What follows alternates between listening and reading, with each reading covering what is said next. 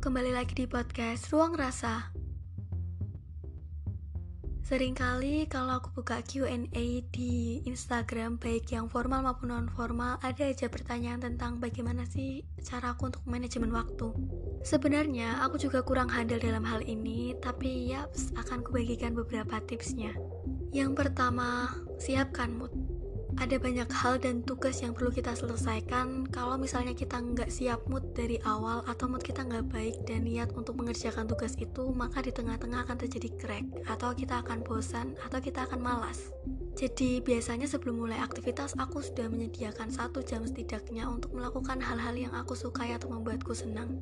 Entah itu drakor entah itu menonton YouTube. Yang kedua aku selalu bikin to-do list dan journaling Pernah ada beberapa yang tanya, Kak pakai aplikasi apa buat bikin to-do list?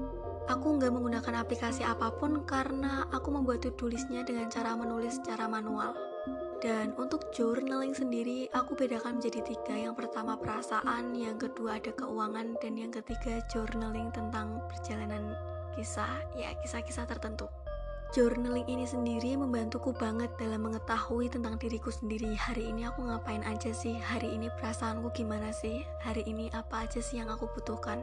Dengan adanya to-do list dan journaling ini, aku kadang-kadang mendapatkan kayak koreksi dan juga sesuatu apa yang harusnya aku perbaiki di besok-besoknya. Tips yang ketiga adalah Pomodoro.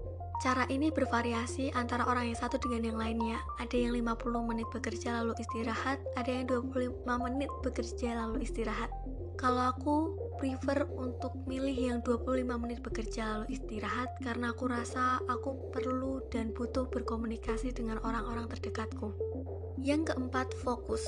Ketika istirahat biasanya akan kugunakan waktu-waktunya untuk berinteraksi dengan orang lain atau mengerjakan hal-hal yang memang kurang penting atau nggak punya urgensitas yang tinggi. Tapi kalau misalnya aku sudah mulai bekerja dan belajar, aku akan fokus pada tugasku. Nggak mikirin orang lain dan hal-hal yang kurang penting. Yang kelima, buat target. Agak-agak serupa tapi ini juga yang kutuliskan dalam to-do list. Jadi aku buat target tugas apa yang harus kuselesaikan hari ini juga Sesimpel membersihkan kamar dan lain sebagainya. Dengan adanya target itu kita akan lebih termotivasi untuk menyelesaikannya tepat waktu. Dan pengaturan waktu yang akan kita habiskan atau gunakan pun akan selaras dengan apa yang ingin kita capai. So, itu dia 5 tips manajemen waktu dari aku. Tentu saja masih banyak kurangnya dan perlu dikembangkan lagi. Buat teman-teman yang punya saran atau ya usulan cara manajemen waktu yang lebih baik dari tadi, boleh banget DM aku and see you next time.